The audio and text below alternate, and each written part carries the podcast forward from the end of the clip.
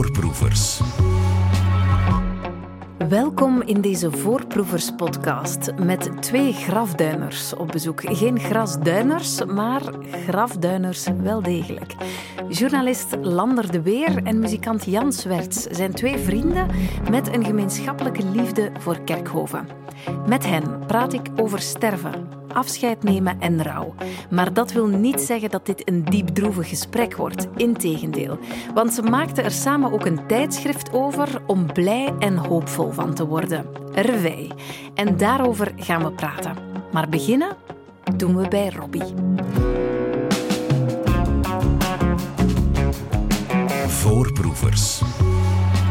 Want journalist Lander de Weer en muzikant Jan Swerts zijn hier samen. We gaan samen praten over rouw, over afscheid nemen, over uh, ja, sterven en leven.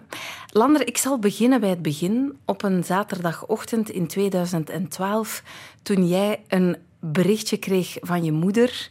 Het verbaast me niet dat ze West-Vlaamse is, want het bericht was kort en bondig. Robbie verongelukt bondige boodschap met triest nieuws. Wie was Robbie? Robbie was een jonge kerel van begin de twintig uit het deerlijke dorp waar ik zelf ook ben opgegroeid. Ik ken hem een beetje, maar niet al te goed. Hij was een leeftijdsgenoot van mijn oudste zus. En hij is verongelukt op zijn uh, verjaardagsnacht. Hij is niet meer thuisgekomen. Um, en dat nieuws kreeg ik dus via mijn moeder op zaterdagochtend, vrij kort na zijn overlijden, uh, doorge-sms'd op een oude Nokia die trilde in ons appartementje in Schaarbeek. Ehm, ik was daar zeer door aangedaan, uiteraard. Ook al had ik hem al een tijdje niet meer gezien. Ehm, en eh, vrij snel daarna ben ik toch weer met een aantal mensen in dierlijk in contact gekomen. En wist ik dat er wel uh, een en ander te gebeuren stond rond zijn overlijden of rond zijn begrafenis. En dan ook later op 1 november. En met name Pieter de Knut, die uh, de frontman is en de zanger van Zinger, de band die we net hoorden. Die had een, een, liedje gemaakt voor Robbie, Grace, dat we net hebben gehoord, uh, als eerbetoon aan verschillende jonge mensen die in die periode omkwamen in Deerlijk. Uh, in allerlei omstandigheden. Er ging plots een donkere wolken boven het dorp, zo leek het wel. Uh, maar toch in het bijzonder voor Robbie, die hij heel erg goed had gekend. Ze hadden samen aan de toog van het plaatselijke café heel erg gedroomd over wilde avonturen in de, in de muziekwereld. Ze speelden allebei muziek. Robbie was ook een, een muzikant. En uh, als eerbetoon wilde dus Pieter dus dat nummer brengen op het kerkhof op 1 november. Uh, daar was in eerste instantie door de mensen in zijn omgeving veel uh, weerstand tegen. Die zeiden allemaal tegen hem, ja, muziek op een kerkhof, je moet dat niet doen. Hè. we doen dat niet meer. het moet stil zijn en sereen en zeker geen muziek. Maar een, een, paar oude knarren uit het dorp die, die vertelden hem dan toch tussen pot en pint dat er vroeger een fanfare altijd voorliep tijdens begrafenissen. En dat een afscheid van dierbaren veel uitbundiger werd gevierd dan nu het geval was. En dan spreken we over de jaren 50, de jaren 60. Uh, en toen heeft hij het toch gedaan. Uh, en dat was zo'n succes toch. Niet dat iedereen daar stond te joelen en te juichen uiteraard, maar die muziek die kwam heel uh, rechtstreeks binnen bij de mensen die daar waren op het kerkhof. En maakte emoties los. dat, hij, dat hij daar zijn werk heeft van gemaakt uiteindelijk. Dus hij heeft toen een VZ2 opgericht, Revij heeft hij die genoemd. En ondertussen, we zijn nu uh, tien jaar na het overlijden van Robbie, uh, is die in bijna 140 gemeenten in Vlaanderen actief. Dus het was toch niet zo'n heel erg gek idee van Pieter om in de tijd muziek te brengen op een kerkhof. Ja, Revij is ondertussen voor veel mensen wel echt al een bekend begrip geworden. Een beweging, zou je het kunnen noemen, die Vlaanderen wil helpen om beter te leren rouwen. Zeg ik dat juist? Daar komt het kort en bondig gesteld op neer. Ze, ze ijveren, ze pleiten voor een warmere uh, rouw- en herdenkingscultuur. Ja. Tot nu toe was het dat ongeveer, hè? wat jij vertelde. Muziek op uh, begraafplaatsen. Ja. Zo kennen veel mensen het. Uh, concerten op 1 november in begraafplaatsen in heel Vlaanderen. Jan Swerts, muzikant. Zo heb jij Revij ook leren kennen. Ja, dat klopt. Um, Pieter heeft mij op een gegeven moment uitgenodigd uh, om te spelen op het uh, kerkhof van Brustem. Uh, dat is een vrij onbekend dorpje, denk ik dan wel, rond Sint-Truiden. Dat al wat bekender is om tal van redenen op dit moment. Um, hoewel het wel, het, Brustem is wel het dorpje waarover Nick Cave zijn nummer Christine the Astonishing heeft geschreven. Dus eigenlijk is het toch wel een cult ehm, kerkhof. Maar voor mij is het een belangrijke kerkhof, omdat ik daar als kind kwam. Uh, we kwamen daar vooral, gingen daar vooral spelen. Nabij de begraafplaats van mijn opa, die ik eigenlijk nooit heb gekend, maar die lag daar. En wij speelden daar een tikkertje, verstoppertje, 1, 2, 3 piano. Ik ging daar vaak uh, leren hoofdrekenen door de leeftijden uit te tellen van de mensen die daar, die daar lagen. Dus het was eigenlijk een kerkhof dat, ik, dat, dat mij heel na aan het hart lag en, en ligt. En Pieter vroeg mij, wil je daar eens een keer spelen nabij het, het graf van uh, je moeder? Want um, er was natuurlijk veel gebeurd tussen de kindertijd en dat moment. Waaronder mijn oma die gestorven is, die daar ook ligt. En mijn moeder die daar ook ligt.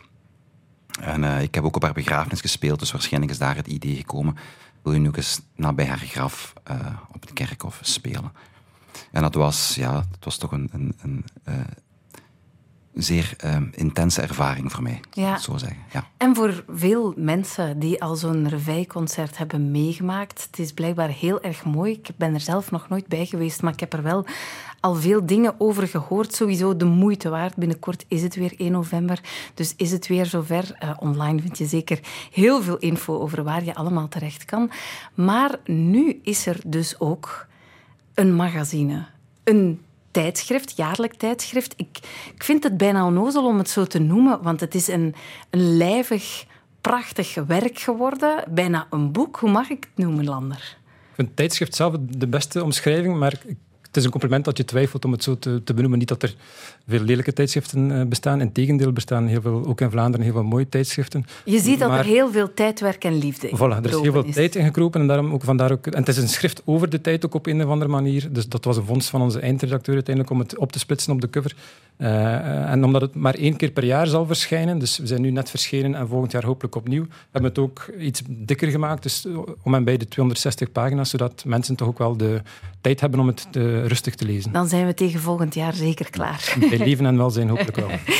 um, waarom moest het er komen, dat, uh, dat magazine? Want we hadden al die reveille-concerten. Hebben we in Vlaanderen dan zoveel hulp nodig om dat terug te leren, dat rouwen? Doen we dat zo slecht? Ja, misschien wel. In eerste instantie, uh, ja, alles begint bij een idee natuurlijk. Ik liep zelf al, met een, uh, al, al, een tijdje met het idee rond om een eigen tijdschrift op te richten rond de dood, of rond Kerkhoven zelfs in eerste instantie omdat ik zelf graag op Kerkhoven rondwandel en van een aantal vrienden, waaronder Jan, uh, maar ook een aantal collega's, uh, journalisten, schrijvers, uh, fotografen, weet dat die wel eens op een kerkhof durven rondwandelen. En ik heb het geluk gehad om van bij het begin te mogen meewerken aan Bahamontes, een wielertijdschrift dat ook vijf keer per jaar verschijnt. en sinds kort werk ik ook af en toe mee aan Fuit, dat is een tijdschrift over vogels. En ja, door hun succes, zeg maar, want ze, ze, vinden hun weg naar het publiek wel, had ik toch het idee om, daar, uh, om die droom, die oude droom, nog eens van onder het stof te halen. Ja, ja en, het, is, uh, het is een mooie erelijst. Er werk van als te maken. Je, als, ja. je die, als je die boekjes meemaakt, dan kan je je wel al iets voorstellen bij dit. Ja, dan ja. zal dat ook wel de moeite zijn. Dus ik dacht, een Bahamontes over de, over de dood, dat zou heel erg mooi kunnen zijn. Dus toen ben ik opnieuw met Pieter de Knut gaan wandelen. Uh, ik had die een aantal jaar niet gezien, sinds onze studententijd. En na die eerste wandeling zijn we er eigenlijk vrij snel uitgekomen dat we het samen zouden doen onder de noemer Reveil. Omdat er inderdaad wel nog wat, uh, nog wat werk aan de winkel is op dat vlak. En Reveil doet daar al heel veel voor. En met hen heel wat andere organisaties ook. Maar we dachten allebei, en we denken nu er is uh, al helemaal, dat er wel nog ruimte is om, voor een soort platform op papier, dus een traag medium, om dat allemaal te bundelen. Hoe komt het, denken jullie, dat we zo vervreemd zijn geraakt van, van sterven, van afscheid nemen? Want het is niet altijd zo geweest. Hè? Het is zeker niet altijd zo geweest. Ik denk zelf, het is, er zijn verschillende oorzaken voor, maar we besteden sinds het wegvallen van de grote verhalen, uh, sinds de katholieke kerk ook minder invloed heeft, het socialisme is weggevallen, besteden we heel veel zorg uit. We sturen onze kinderen naar de crash en onze ouderen naar het bejaardentehuis. En ook doden hebben we een beetje geoutsourced. Uh, en we zien het niet meer, terwijl mensen vroeger opgebaard werden thuis en er familie en buren kwamen helpen gebeurt het nu door professionals, waarvan de meesten het met heel veel zorg en liefde doen. Maar het gebeurt toch op een aparte plek, gescheiden van ons dagelijks leven. Ja, we deden het vroeger socialer, meer in groep of zo. Het was meer een beleving, het afscheid nemen. Ja, het was fysieker ook vooral. Um, ik denk dat wij niet meer zo heel graag geconfronteerd worden met, met aftakeling. En Lander zegt juist, hè, heel veel dingen zitten nu in de periferie. En vroeger zaten die in het centrum van het leven. Dus... Uh, grote gezinnen waar oma en opa in wonen. We zien die oud worden, takelen af.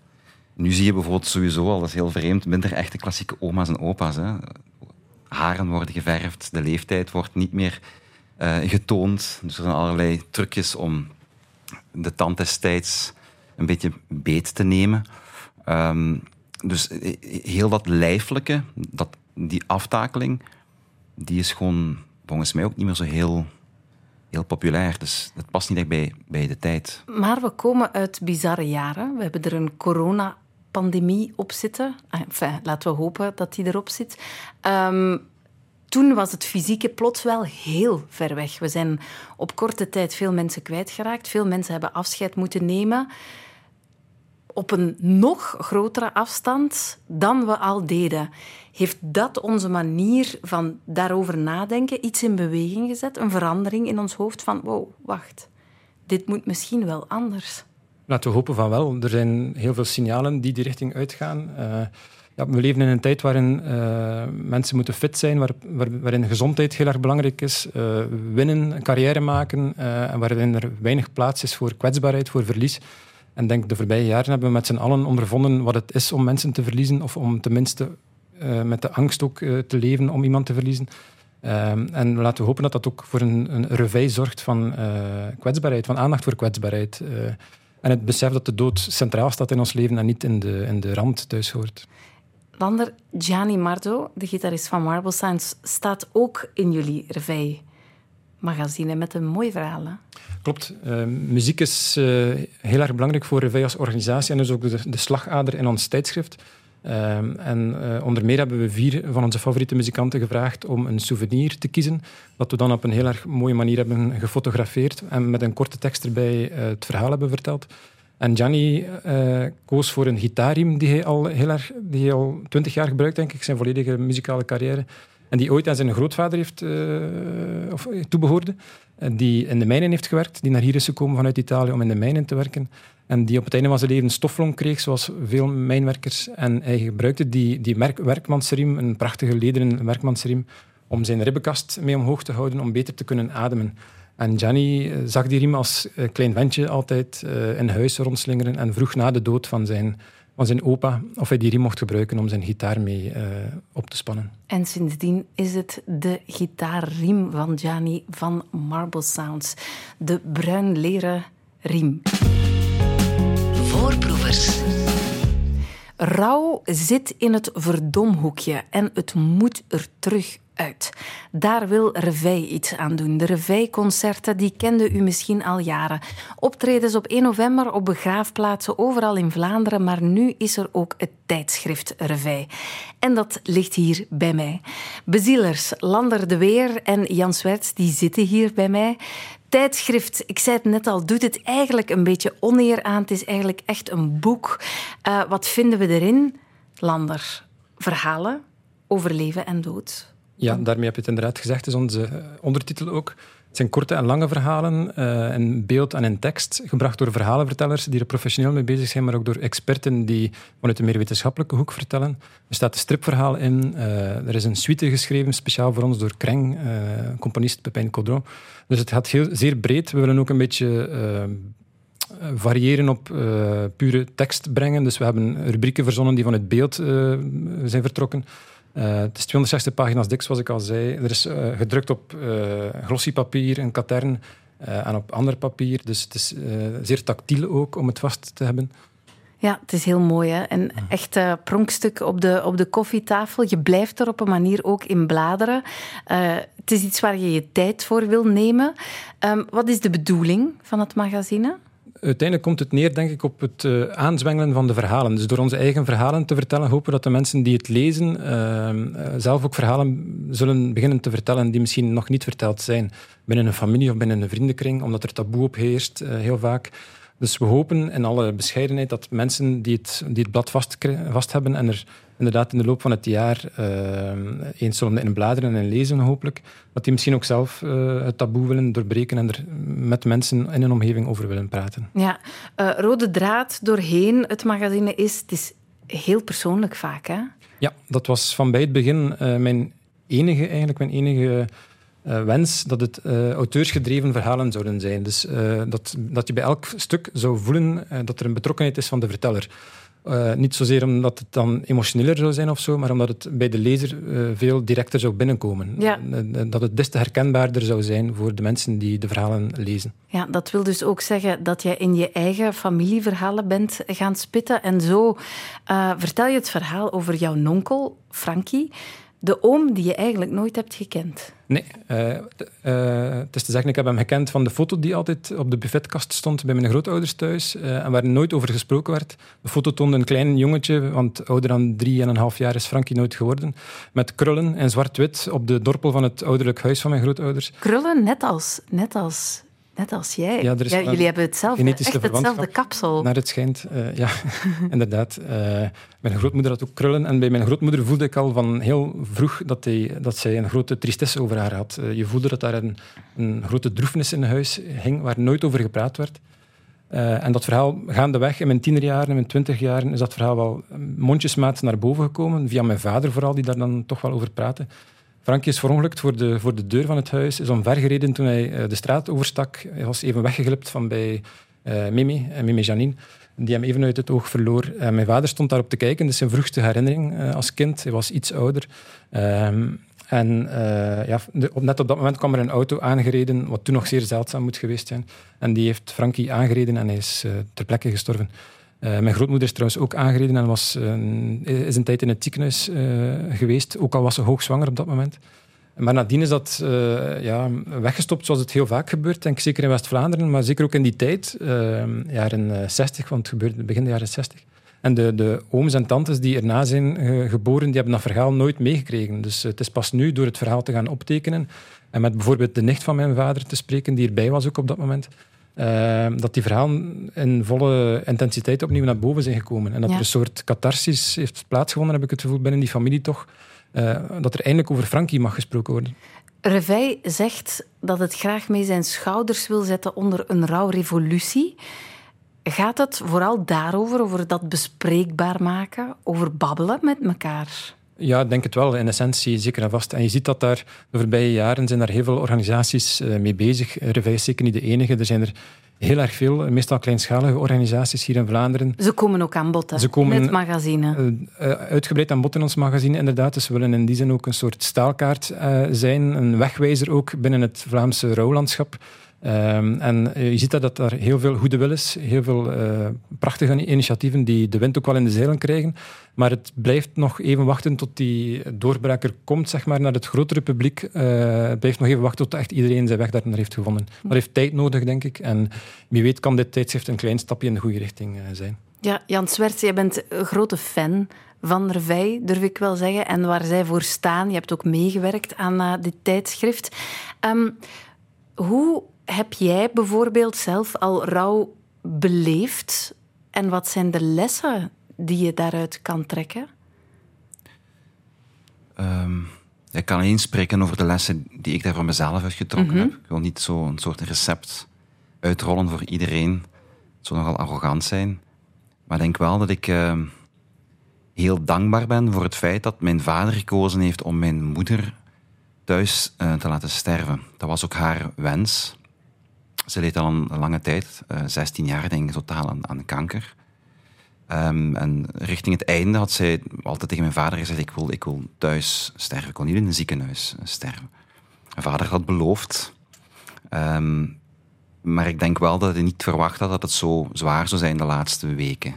Uh, echt wel heel erg zwaar. Ook omdat we dat nogmaals niet gewoon zijn als moderne maatschappij. Het wordt geoutsourced. Het is iets dat wij achter bepaalde gesloten deuren in de periferie, we laten dat behandelen door anderen. We hebben dat nu thuis zelf gedaan.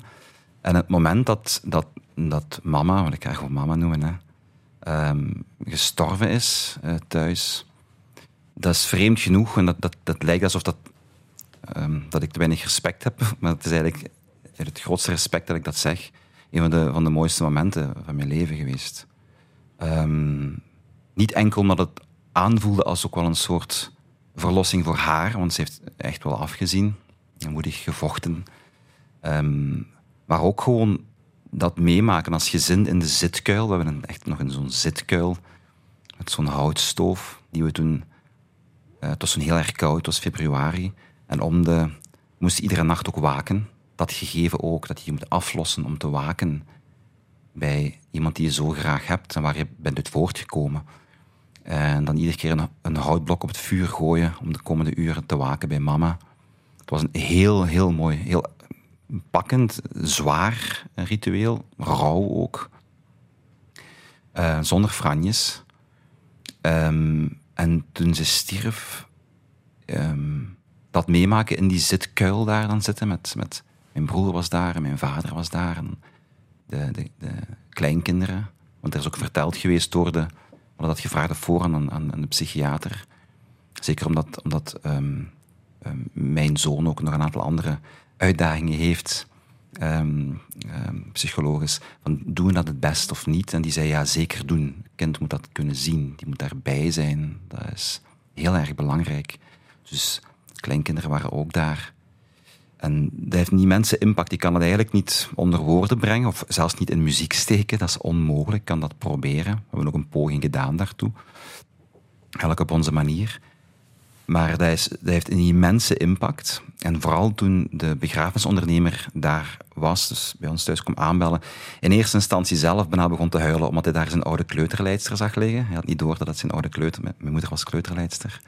En dat ik toen eigenlijk samen met hem mama mocht opnemen. Die was vederlicht geworden. Je wilt u dan natuurlijk inbeelden dat het komt omdat de ziel ontsnapt is. Hè. De aantal grammetjes die de ziel uh, wegen zijn ontsnapt. Maar het was eigenlijk vooral natuurlijk omdat ze heel lang had afgezien. En, en de kanker voor een stuk haar ook al zo licht had gemaakt. Maar dat gevoel om je moeder, dat, dat lijf op te nemen en in haar kist te leggen, ik vond dat heel, ik ben er heel erg dankbaar voor. En dat heeft die verwerking voor mij alleszins, ik blijf beklemtonen, voor mij enorm vooruit geholpen. Dus mijn rouw is daar, is daar een andere soort rouw door geworden.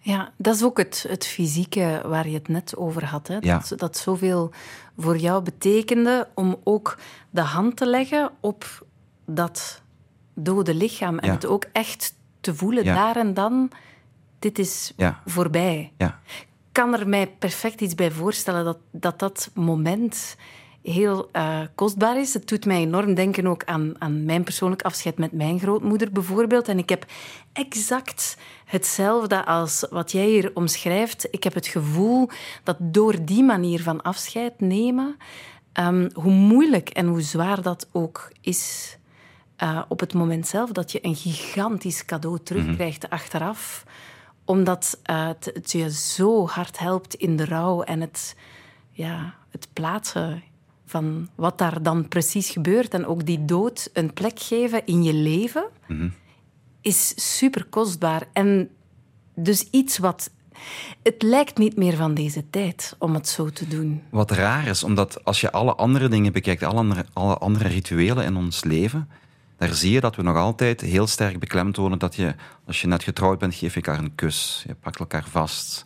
Als je een vriend graag ziet, zoals ik Lander graag zie, hè, jongen, dan pak elkaar vast, dan geef elkaar een manhug.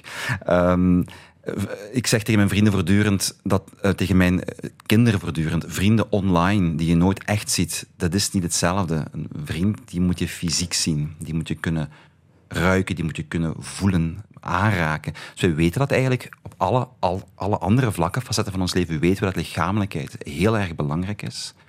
We hadden ook gemerkt in onderwijs. Ik geef zelf ook les aan de lerarenopleiding. Dat online lesgeven, dat, kon, dat was echt een erzats. Het voelde echt als een, als een latriestige erzats aan voor het fysieke onderwijs dat je kan geven met studenten.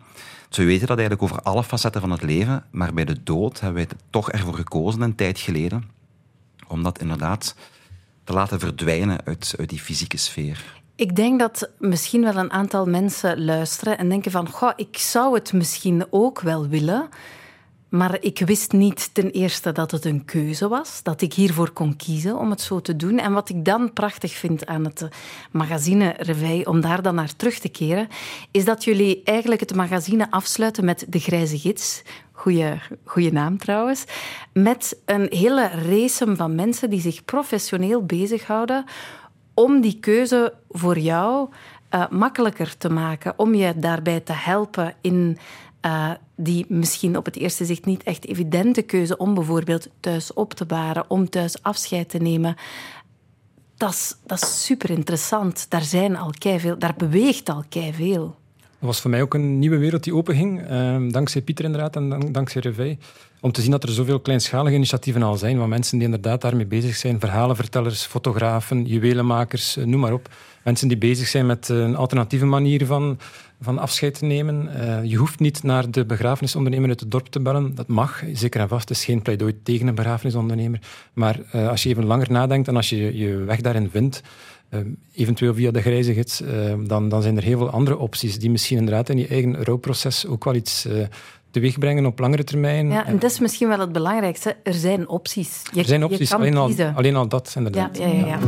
Voorproevers. Lander en Jan, er is nog meer dat jullie bindt.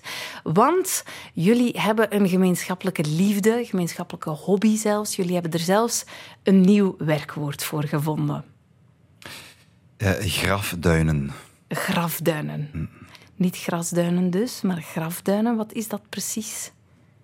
Dat is, um, zonder dat je het eigenlijk goed en wel beseft, als je nachtelijke wandelingen onderneemt, dat doen wij heel graag samen. Kan ook overdag ook hoor. Um, op een kerkhof terechtkomen en vreemd genoeg komen we er altijd op terecht. Er zijn er ook heel erg veel. Ik vind het zelfs vreemd dat de meeste mensen er zo weinig op stoten, want je kan er bijna niet naast wandelen. En eens als je op die eh, begraafplaatsen bent, of kerkhoven, ik, we komen liever, of toch ik alleszins, ik of jij dat ook hebt, Lander, op kerkhoven. We hebben ook een lichte voorkeur voor kerkhoven, ja. Dat zijn de hoven rond de kerk en begraafplaatsen, daar, daar is eigenlijk geen kerk, die zijn meestal in de periferie. Je ziet ze minder en minder, hè, kerkhoven. Ja, ziet ze minder vaker, en minder. vaker en vaker weggehaald. Ja, ook daaraan zie je de veranderende omgang met de dood. Uh, dus uh, inderdaad, vroeger werden mensen begraven, ja, eerst en vooral in de kerk, uh, toen rond de kerk en later verder en verder van het centrum van een dorp of stad weg. Dus heel vaak in de periferie. Um, en die, de meeste kerkhoven zijn niet zo bijzonder gezellig, met kiezelsteentjes, weinig bomen. Uh, dus wij zoeken zo'n beetje de kerkhoven op verhaarplaatsen op die wel enig groen bevatten. Uh, en gelukkig is daar ook een, kleinere, of een kleine tendens terug in de andere richting weer. En investeren steeds meer steden en gemeenten om hun uh, kerkhoven te, te, vergroenen, om er misschien een bankje te zetten waar mensen op kunnen verpozen. Dus het gaat ook in die, op dat vlak wel de goede richting uit. Ja, Jan, jij hebt eigenlijk ook een artikel geschreven voor Revij dat al grafduinend is ontstaan ja. met uh, de ludieke rubriektitel Zerk en Leven. Ja, om, omdat Lander en ik letten meestal op andere dingen wanneer we aan het grafduinen zijn. Ja. Lander heeft meestal een focus, heb ik de indruk, um, die zich meer toespitst op um, zerkkunst, de, de ordening ook van, een, dus de inkleding van een begraafplaats of een kerkhof. Terwijl ik altijd gefascineerd ben um, door de verhalen die achter die zerken schuil kunnen gaan. Mm -hmm. Liefst eigenlijk vrij oude uh, zerken, dus zerken die scheef getrokken zijn, die amper nog leesbaar zijn qua, qua data. Uh, en ook heel vaak zerken waar eigenlijk duidelijk ook de, de, de, de smart ook is gestold eigenlijk een soort relict van rouw is. En daar dan de vraag bij stellen, ja, als ik nu eens ga graven naar verhalen hier, wat komt er hier dan boven? En een van die uh, zerken die mij heel erg aansprak, was er eentje in, in Sint-Truiden. Die uh, bekende stad, zonder burgemeester, of nu heeft er wel eentje, denk ik, terug. Um, en dat was een zerk uh, waar geen foto op stond, wat meestal wel het geval is. Niet zo'n klassiek ovaaltje. Niet zo'n ja, uh, porseleinen ovaaltje, maar een foto enkel met een, met een, een, een hand, een, met een leren handschoen. En die had een stuur vast en je zag een dashboard van een heel mooie oldtimer. Maar je ziet niet het gezicht.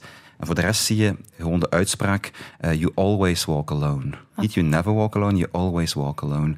En dat is zo prikkelend dat ik eigenlijk wel wilde weten welk verhaal daarachter schuil ging. Als je wil weten wat dat verhaal dan precies is, dan moet je natuurlijk dat prachtige tijdschrift kopen, Revij. Uh, nu te koop, profiteer ervan, uh, want het is één keer per jaar dat, uh, dat je het vanaf nu in de winkel vindt.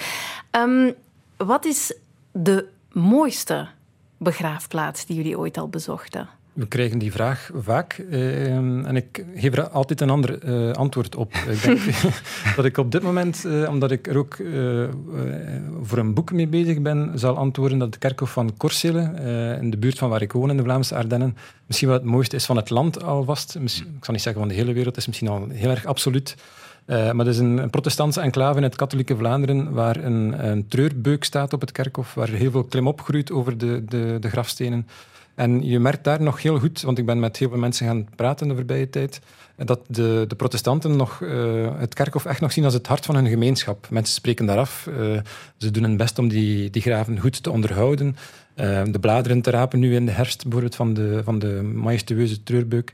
En je merkt dat, daar, uh, dat dat geen doodse bedoeling is, dat daar nog heel veel uh, leven zich afspeelt op het kerkhof. En ik kom daar heel vaak, bijna vier, vijf keer per week, ik zal niet zeggen dagelijks, maar het scheelt niet veel. Tijdens fietstochten, wandeltochten, looptochten passeer ik daar wel eens. En ik, ik ben er heel erg graag. Ik vind er stilte, ik vind de rust, uh, groen. ja, het is een fijne plek om te zijn. Jan, welke begraafplaats draag jij met jou mee? Um, een heel kleine begraafplaats, Kerkhof, ja, dat was te voorspellen, in, uh, in Rye, uh, in uh, Engeland. Het is um, een niet heel bekend plaatsje. De meesten kennen de naam misschien van een groep. Op Radio 1 wordt veel gedraaid. Ja, klopt. Maar het is een klein plaatsje in de buurt van Canterbury. En dat heeft een heel, bovenop een heuveltje staat een klein kerkje. Het is bijna idyllisch te noemen, als ik dat platgetreden pad mag gebruiken, dat woord. Maar het is, het is een heel mooi kerkje met een, een, een klein, klein, klein uh, uh, begraafplaatsje. Uh, klein kerkhofje, sorry, daar rond. En iedere keer wanneer ik in Engeland ben, dat doe ik zoveel mogelijk, dan passeer ik via dat kerkhofje. Een van de interessantste artikels in de revij vond ik eentje geschreven door funerair erfgoedconsulent Tamara Engels. Zij zegt, we zouden eigenlijk nieuwe functies moeten uitdenken voor onze begraafplaatsen. Ja, dat klopt. En misschien zijn wij wel trendsetters op dat vlak in alle bescheidenheid. Zij beschrijft inderdaad dat de primaire functie is om het herdenken van de overledenen. Dat er ook een secundaire functie is, zoals uh, mensen die daar komen sporten of wandelen. En dan is er een soort tertiaire functie die steeds aan belang aan het winnen is, namelijk het funerair toerisme. Mensen die kerkhoven bezoeken om er uh, de monumentale architectuur te bewonderen, bijvoorbeeld. Uh, en die, die wordt alleen maar belangrijker, zeker in een tijd waarin er steeds minder ruimte is, waarin er steeds meer lawaai is, worden plekken zoals begraafplaatsen of kerkhoven steeds schaarser. Uh, en uh, het is maar de zaak natuurlijk om die te blijven met elkaar te kunnen verzoenen, die verschillende functies. Ja. Want ja, allemaal goed en wel, zo'n grafduiners als wij, maar als we daar met duizend tegelijkertijd komen, dan lopen we elkaar ook in de weg. En dan zullen we misschien mensen die daar komen rouwen, schofferen. Maar misschien kan 1 november alvast een heel erg mooi begin zijn, want dan zijn er natuurlijk weer de Revij-concerten. Alle daarheen, meer info vind je online. En voilà, bij deze is Revij voorgeproefd. Het is een prachtig tijdschrift. En vanaf nu dus een jaarlijkse afspraak. Lander de Weer, Jan Swerts, dank je wel om er vanavond bij te zijn. Bedankt voor jullie verhaal. Voorproevers. Dit was de podcast van Voorproevers met een waar verhaal en een interessante gast. Alle andere verhalen en gasten vind je via de app van VRT Max. Voorproevers.